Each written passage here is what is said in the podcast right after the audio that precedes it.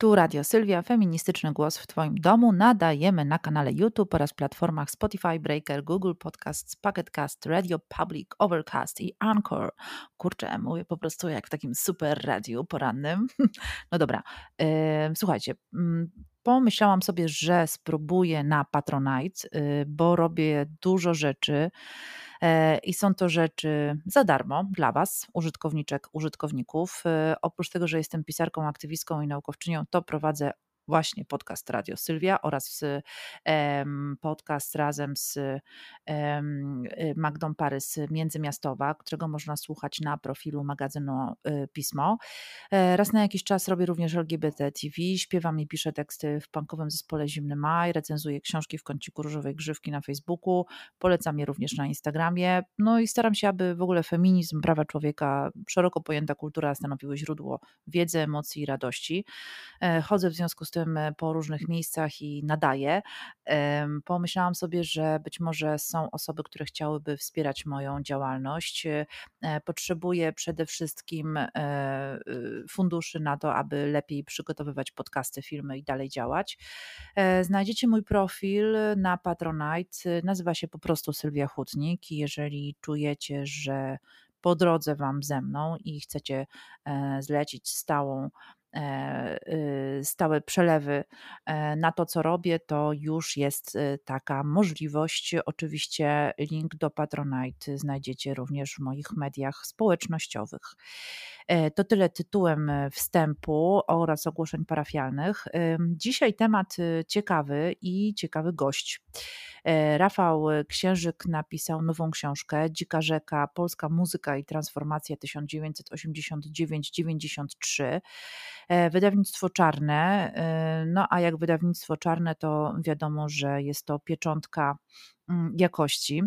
Ale i Rafał Księżyk to jeden z moich ulubionych dziennikarzy muzycznych, e, autor biografii, wywiadów rzeka, między innymi Roberta Brylewskiego, ale również Tymona Tymańskiego, Kazika Staszewskiego, Marcina Świetlickiego, Muńka Staszczyka.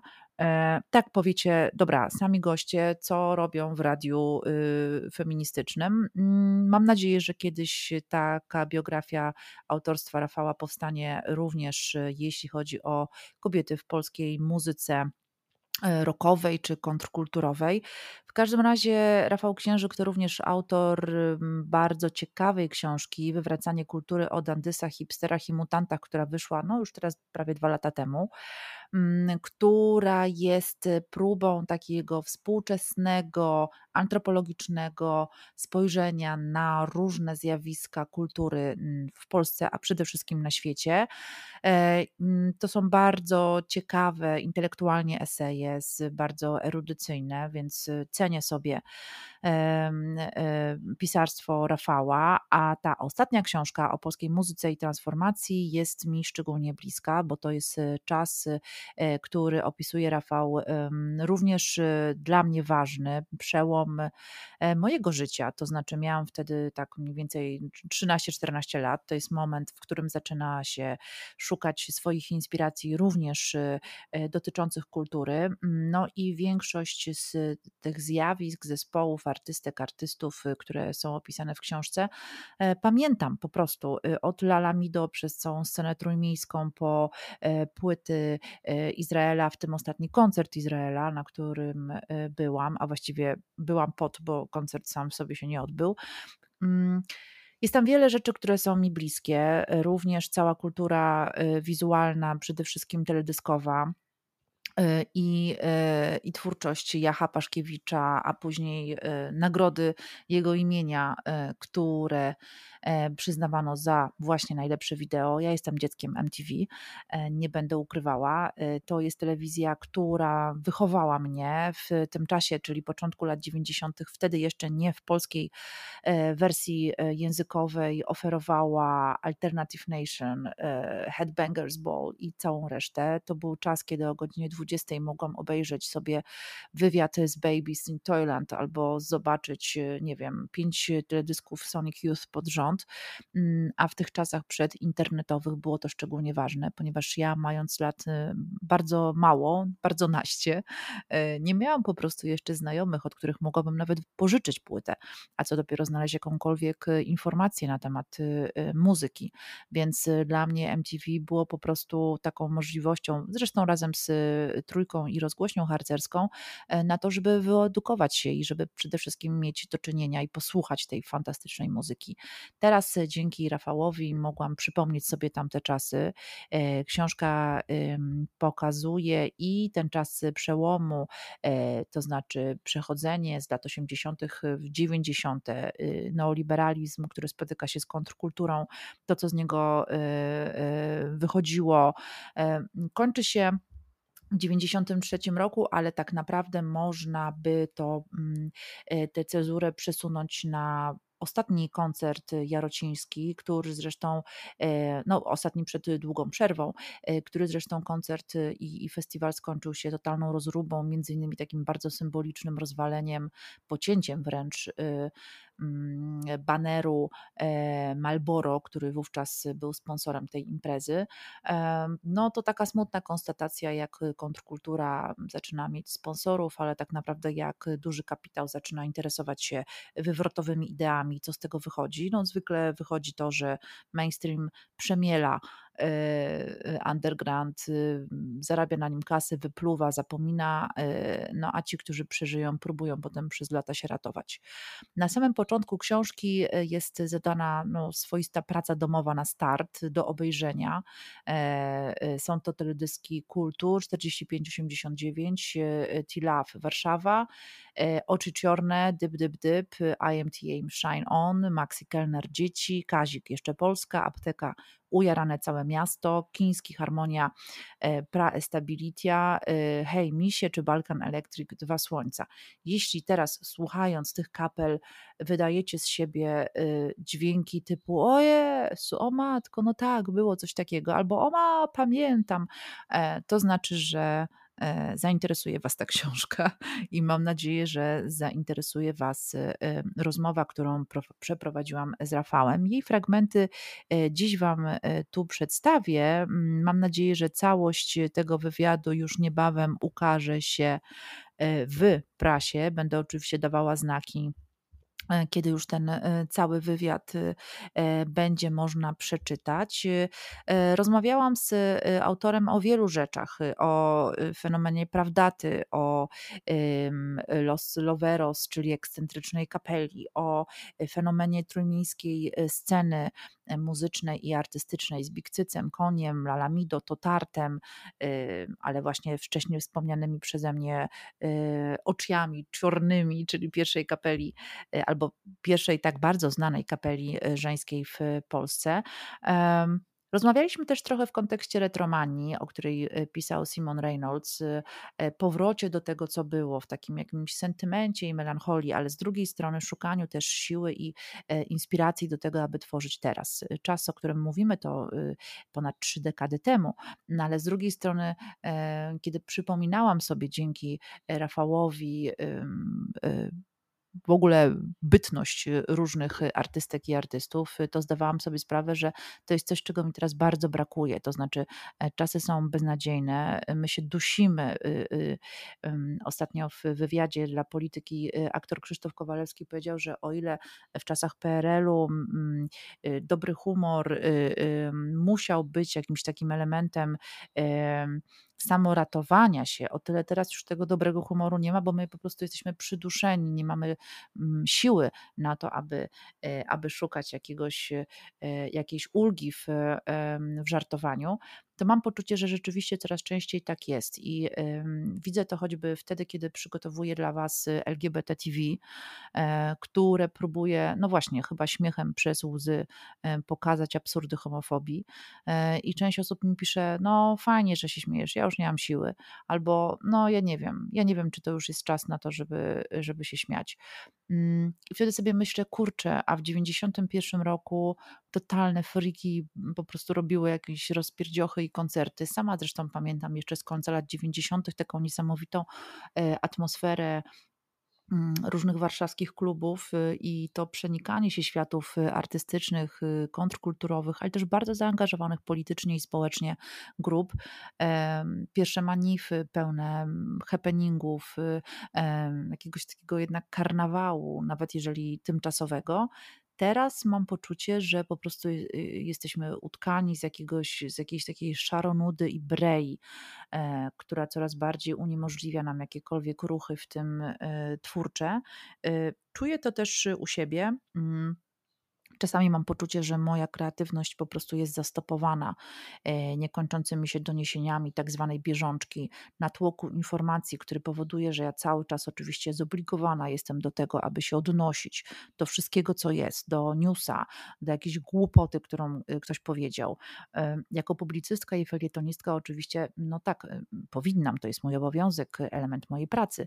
Z drugiej zaś strony czasem, kiedy po raz 666 piszę felieton czy artykuł na ten sam temat, myślę sobie, matko, jakie to jest wtórne intelektualnie, jak mnie to nie rozwija, e, jakie to jest smutne, że ja e, zamiast tarzać się w brokacie na scenie, to po prostu piszę kolejne sążnicze teksty o sprawach, które tak naprawdę gdzieś tkwią E, u podwalin w ogóle praw człowieka. To znaczy o pewnych rzeczach w XXI wieku wydaje mi się, że już nie powinniśmy rozmawiać. Tymczasem trzeba je cały czas nieść na sztandarach i przypominać wciąż i wciąż.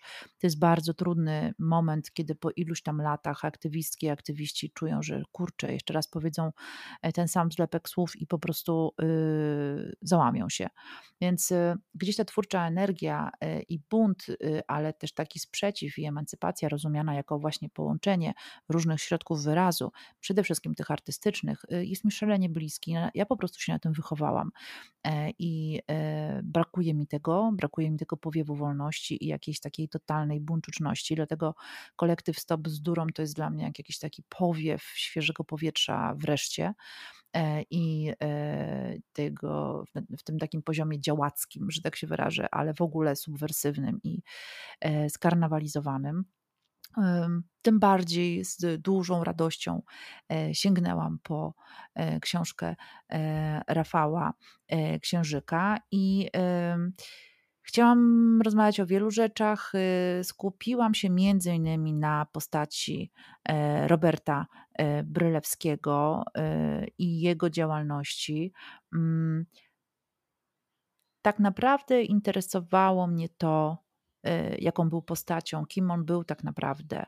E, I, e, i o to zapytałam się Rafała Księżyka. Posłuchajcie. Ty w swojej poprzedniej książce opisujesz postać, czy właściwie personę bohatera Trickstera. Mhm. Zastanawiałam się, kto z Twoich bohaterów tej, tej ostatniej książki mógł takim tricksterem być? Wyszło mi, że trochę brylewski. Nie wiem, czy to dlatego, że na siłę chciałam, mm-hmm. czy, czy on mi doskonale pasował. Z tego względu, że po pierwsze był zawieszony w próżni, że był trochę błaznem, e, że właśnie był tym niekończącym się jednak e, marginesem, to znaczy niezależnie od tego, mm-hmm. kiedy i w jakich konfiguracjach tworzył, niezależnie jaką, jaki rodzaj muzyki tworzył jaki rodzaj sztuki. On zawsze był gdzieś poza. Y, I to, co powiedziałeś o koncertach i, i, i, rozwalaniu ich, no to przecież u Brylewskiego są takie dwie tragiczne cezury, które pokazują, jak często losy osób właśnie, które jednak są bardzo idealistycznie nastawione do świata, jak bardzo są też y, tłamszone. Pierwsze to jest y, y, ostatni koncert Izraela, mhm. przez bramkarzy, a potem już po prostu ludzi, tak. mhm. E, co też jakby pokazywało energię lat, połowy lat 90., no a drugi to oczywiście jego śmierć, mhm. a właściwie to, co się wydarzyło kilka miesięcy przed nią. I tu chciałabym wprowadzić tym przedługim występem Roberta, mhm. czy on był tricksterem. Kto to był Robert Brylewski? Wiesz co, to z tym Tricksterem do końca, nie, znaczy nie, nie, zgodziłbym się o tyle, że jednak Trickster kojarzy mi się z jakąś e, rodzajem gry. No, ściema to już brzmi pejoratywnie tutaj, a chodzi o grę, gdzie jakby reguły nie są do końca jasne, tak, i, i to, to, to na pewno mi się nie kojarzy z czymś takim negatywnym, tylko może to być groźne, niebezpieczne właśnie poprzez wejście w taką Natomiast ja Roberta zapamiętałem jako człowieka, który był na pewno osobą taką bardzo szczerą i prostolinijną, tak? Więc to, to on, on nie, nie, nie, zapraszał do takiej gry i też bym się nie zgodził z tym, że on tworzył w próżni. Owszem, w pewnym momencie się w tej próżni znalazł, ale to no tak. wraz z upływem czasu, natomiast cała ta e, siła, na której myślę, że on przez całe życie e, jechał, brała się i on to zresztą podkreślał z tego, że on zawsze był w kontekście jakiejś społeczności, tak? Mhm. Na początku to była ta społeczność e, pankrokowa, później się to rozwinęło o, o, o, kontekst reggae i tego zespołu, który był trochę jak jakaś taka rodzina. Mhm. Potem y, gdzieś stworzyła się tak, tak, tak, taki rodzaj społeczności wokół studia Złota Skała, tak, które słynęło z tego, że nawet biedny zespół, który nie miał na studio, mógł się tam dogadać i, i, i nagrać materiał, co koniec końców doprowadziło do tego, że... No tak, tak, bo tam było całe, całe takie, całe takie no, można powiedzieć mm, no po prostu pomieszczenie tak, gdzie, gdzie się spało, jadło, nagrywało. Także to, to i, i, była ta taka nieudana koniec końców, niemniej jednak w pewnym momencie bardzo istotna e, komuna wiejska w Stanclewie. Także te momenty, które były najbardziej owocne w jego życiu artystyczne, artystycznym, były zawsze postawowe w oparciu o pewną społeczność, a później już tych ludzi nie było. To, to jest taka słabość wielkopolskiej sceny, e, że nie ma takiej ciągłości pokoleń, tak, że e, naprawdę no, teraz musielibyśmy się tutaj wysilić, żeby wymyśleć takie przykłady, że muzyk 50-letni nagle jest y, w składzie z chłopakami, którzy mają po lat 20 i gdzieś tam się wychowali. Tak no przez chwilę, ale to się wszystko rozwalało. No tak, tak, tak. Miał oddzielną kapelę. Znaczy, że ta tak, tak, tak, ale, ale, była, ale tak czy inaczej, znaczy, no tak, no, był ten zespół Konopian z, z, ze Śląska, który z nim grał, ale to wszystko jakby było za mało, tak, tak. Że, no tak, e, także to, to myślę, że tutaj to, to jest taki no, cały czas y, taka bolączka polskiej sceny, że jakieś ta, ta sztafeta pokoleń szwankuje, tak? I, i to koniec końców doprowadziło też do tego, że yy, no, ten, ten, ten potencjał Roberta już, już w tym yy, momencie powiedzmy od, od końca lat 90. trochę był niewykorzystany, tak? A, a też z kolei jak artysta nie ma pracy i wyzwań, no to też generalnie życie mu trochę siada, tak? tak. Więc y, natomiast y, no on Wiesz, to trudno jednym słowem y, podsumować. No, ja myślę, że on nie tylko był po prostu artystą, muzykiem, który, który robił ważne zespoły na przestrzeni kilkunastu lat i kilka takich płyt przełomowych dla muzyki nagrał, ale też taką osobą, która była takim elementem właśnie łączącym różne środowiska i wprowadzającym jakąś taką pewną aurę no, w której się jakby jakaś dobra energia pracowała. No. I, i to, to, co właśnie o tej złotej skale mówię, gdzie on namalował, to jest w książce reprodukowane hasło ekumenik i, i mhm. właśnie tak y, to, to, to ten termin przechwycony przez niego z oficjalnych komunikatów stolicy apostolskiej, co sam potwierdzał, jakby zaadoptował dla, dla, dla potrzeb sceny muzycznej i y, do pewnego momentu to działało. A, a, a potem takim pierwszym tąpnięciem to było ten taki rozdźwięk ideologiczny, że część kolegów ze starej sceny pankrokowej wybrała ścieżkę y, nowo nawróconych chrześcijan i już nie mogli grać ze sobą ci ludzie. Także gdzieś tam cały czas te właśnie odpływy tych sił, takich y, społeczności i rozłamy w tej historii też są. Czytając tę książkę, przypominałam sobie tamte czasy i uderzyło mnie jakieś takie poczucie wielkiej wolności, które polegało według mnie nie tylko na łączeniu środowisk muzycznych, artystycznych, kontrkulturowych i całej reszty tych frików, e, tylko pewnego rodzaju hmm, czy ja wiem, jakiegoś wyluzowania się, jeśli chodzi o własną tożsamość, to kim się jest, co się prezentuje i e, odbiór ludzi, który mam wrażenie, był o wiele bardziej liberalny czy emancypacyjny niż współcześnie. Miałam wręcz poczucie, że teraz mamy jakiś swoisty backlash. E, jak to było, jeśli chodzi o kwestie osób LGBT, w ogóle nieheteronormatywność i nienormę w tamtych czasach?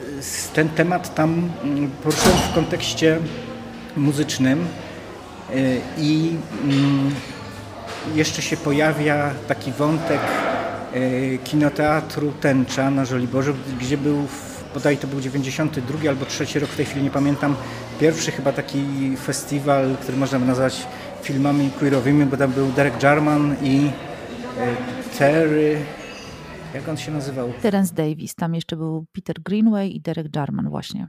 Ten, ten, ten przegląd, gdzie się kino queerowe pokazało, z jednej strony nie był w żaden sposób y, pikietowany, ale też z drugiej strony nie było tam takiej manifestacji pro, tak? Flag tęczowych w ogóle chyba jeszcze w obiegu polskim nie było, ale, ale też było to jedno z wielu różnorodnych wydarzeń. Myślę, że zresztą dziwne, bo ten reżyser w ogóle zniknął. On miał wtedy jakieś głośne nagradzane filmy, właśnie takie jakby wypadkowa takiego społecznego kina brytyjskiego siedział w takich dzielnicach robotniczych jak z filmów Loacha, tyle że była problematyka właśnie e, queerowa. Na Jarman jakby, jakby dawno go nie ma, ale e, w sensie wśród żywych, ale, ale został jako taka jakaś jasny taki punkt tam w historii sztuki XX wieku na pewno jest, jest zapamiętany. O tych czasach opowiada Maciej Ulewicz, wtedy wokalista kapeli IMTA y, od wielu lat y, dziennikarz kulturalny, DJ radiowy. Mieliśmy wtedy świadomość, że wszystko wolno i korzystałem z tego. Wychodziłem z założenia, że scena to jest scena i zawsze dbałem, żeby nie tylko muzycznie było ciekawie, ale też wizualnie. Nie chciałem się poddać potopowi kraciastych koszul. Wszyscy mieli długie włosy, a ja, prawie łysy, ale ufarbowany, chodziłem w pomarańczowym futrze i czerwonych skórzanych spodniach. Wykorzystywaliśmy rokowe elementy, ale byliśmy kolorowymi ptakami i nigdy nie spotkałem się z żadnym atakiem ani żadną homofobiczną sytuacją, mimo że na koncerty ubierałem się ekscentrycznie, wręcz się to podobało. Żeby było weselej, słowo homofobia wtedy nie istniało. Zaskakujący zwrot czasu, bo w tej chwili, jeśli ktokolwiek wygląda inaczej niż grupa, już jest narażony na wykluczenie. Dziś w publicznej telewizji byłby problem z emisją naszych teledysków, a wtedy radośnie to sobie leciało. Produkcje telewizji Gdańsk były retransmitowane na ogólnopolskich kanałach. Y, I rzeczywiście, kiedy patrzy się teraz i ogląda e, teledyski, choćby IMTM, e, robione przez Jaha, e, no to można no, pomyśleć sobie, że to rzeczywiście był jakiś karnawał tożsamościowy i ta wolność, którą widzimy na wideo sprzed no, już prawie 30 lat poraża w kontekście tego, co dzieje się obecnie w Polsce. Ale, ale widziałem takie zdjęcia, bo nie byłem nigdy w Sfinksie w tym okresie heroicznym, tam ten, ten początek lat 90., ale przeglądając różne zdjęcia, z których tak to nazwijmy, nie wszystkie miały taką jakość techniczną, że nadawały się do wykorzystania, jedna z tych imprez była taka, że y, jakby zupełnie obok siebie na sali były roznegliżowane panie i roznegliżowani panowie w formie jakichś takich żywych obiektów sztuki, chodzących artefaktów, no wiadomo, że to była taka, tam takie środowisko z, z Akademii Sztuk Plastycznych Trójmiasta rządziło i to było takie bardzo artystowskie, ale też nakierowane na, na zabawę taką zupełnie szaloną. To oni się właściciel, założyciel twierdzi, że się wzorował na klubie 54 i na studiu 54 i rzeczywiście jak się posłucha wspomnień czy zobaczy zdjęcia, no to można się z tym zgodzić. I to też było takie y, uderzające, że ta cała atmosfera była nacechowana seksem, ale obok tych modelek roznegliżowanych, które jakby kojarzymy z tych różnych imprez y, współczesnych i, i, i, minionych y, byli też y, roznegliżowani panowie w makijażach i jakichś obcisłych przepaskach, że było to zupełnie w jednej przestrzeni naturalne i, i, i tak, tam bo... też była taka przestrzeń yy, wolności, no to, to zresztą tam, ponieważ niewiele z tego można dzisiaj jakby zobaczyć, ja tam przywołuję ten teledysk IMTM Shine On, który jest w sumie jednym z takich najśmielszych teledysków w dziejach polskiej muzyki, bo tam jest jakaś taka niedwuznaczna orgia w trójkącie i to się dzieje na scenie klubu Sphinx dzień po Sylwestrze, który był y, takim sylwestrem stylizowanym na jakąś antyczną ucztę, więc tam jeszcze jakieś takie elementy zostały. No więc to, to, to jest taki, taka namiastka tego, co, co, co tam się działo. Oczywiście nie byłabym sobą, gdybym nie zapytała o kobiety e, obecne na scenie muzycznej tamtych czasów. Niby tych dziewczyn było bardzo dużo na scenie, czy pań, ale to były panie śpiewające. A jak na przykład y, rozmawiałem z Teklą, y, którą ja doskonale zapamiętałem z ich wczesnych koncertów, z wczesnych koncertów będzie dobrze w remoncie, że to było niesamowite, kolorowa dziewczyna, która łomocze strasznie na basie, tak strasznie w sensie bardzo zdecydowanie i dynamicznie. I, i to mi zostało w głowie, że tak naprawdę tych dziewczyn grających w zespołach było bardzo mało. I mm, też, y, no bo generalnie wiadomo, że było dziewczyn mniej na scenie. Była ta kategoria wokalistek, ale no, ta kategoria wokalistek jest pewnym właśnie, można powiedzieć, kategorią, także zawsze jest miejsce na scenie na wokalistkę, która w zależności od zmieniającej się mody albo będzie e, panią, która, nie wiem, kręci teledyski w basenie, albo będzie panią z makijażem gotyckim, albo będzie jakąś diwą w, w powłóczystej sukni, ale to miejsce jest i nie każda z tych, z tych wokalistek y, potrafi y, jakby przebić się przez tą kategorię z własną osobowością i wyjść z tego bez y, szwanku, prawda? Natomiast dlatego ja trochę wziąłem w nawias w książce też no, z racji objętości i Mm, tego, żeby jednak na te rzeczy najbardziej pionierskie zwrócić uwagę i zwróciłem uwagę na te dziewczyny, które pojawiły się na scenie po prostu jako muzycy, tak? jako instrumentalistki, członkinie, twórczynie zespołów. Tekla y, pojawia się tam niejako w takiej swojej formie pionierskiej, bo, bo historia grupy będzie dobrze się wtedy dopiero co zaczęła i później się rozwinęła, rozwinęła i w ogóle Tekla jest teraz instytucją czy wręcz dobrem kultury polskiej, tak? taką kobietą, która no, ma w sumie to swoje brzmienie unikalne w skali światowej, że ona siada na scenie sama i, i brzmi jak orkiestra. Natomiast tam się skupiłem na takim zespole, który był to, co było Trójmiasto, absolutnym fenomenem, bo to był zespół żeński, gdzie tam w sumie się przewinęło w tej pierwszej fazie kilkanaście dziewczyn, ale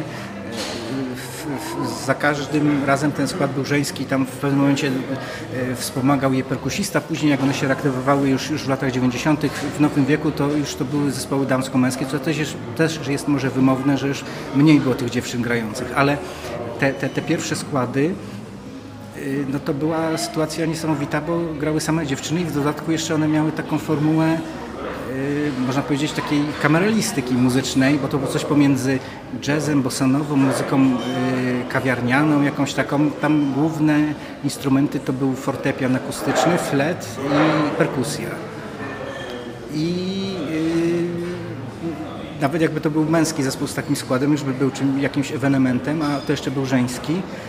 No i cóż, no, tam ta historia była jakby na tyle gęsta, chociaż krótka tego pierwszego składu, bo, bo te dziewczyny były i w Kijowie na jakimś takim postsowieckim wielkim festiwalu.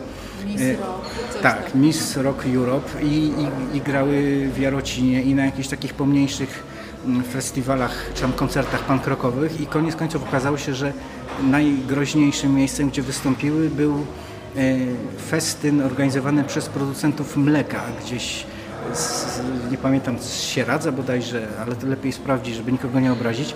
I tam po prostu wąsaci sponsorzy je po prostu na, napastowali, no mówiąc najoględniej. Także że, ciekawe, bo też tam jest opowieść o jakimś takim zadymiarskim koncercie pankrokowym, gdzie, gdzie koniec końców one się z tego śmieją, także ci pankowcy to tak naprawdę wrażliwi goście byli, tam się okazali do rany przyłóż, co, a, a tutaj ci wąsaci yy, producenci mleka, wyszły z nich demony.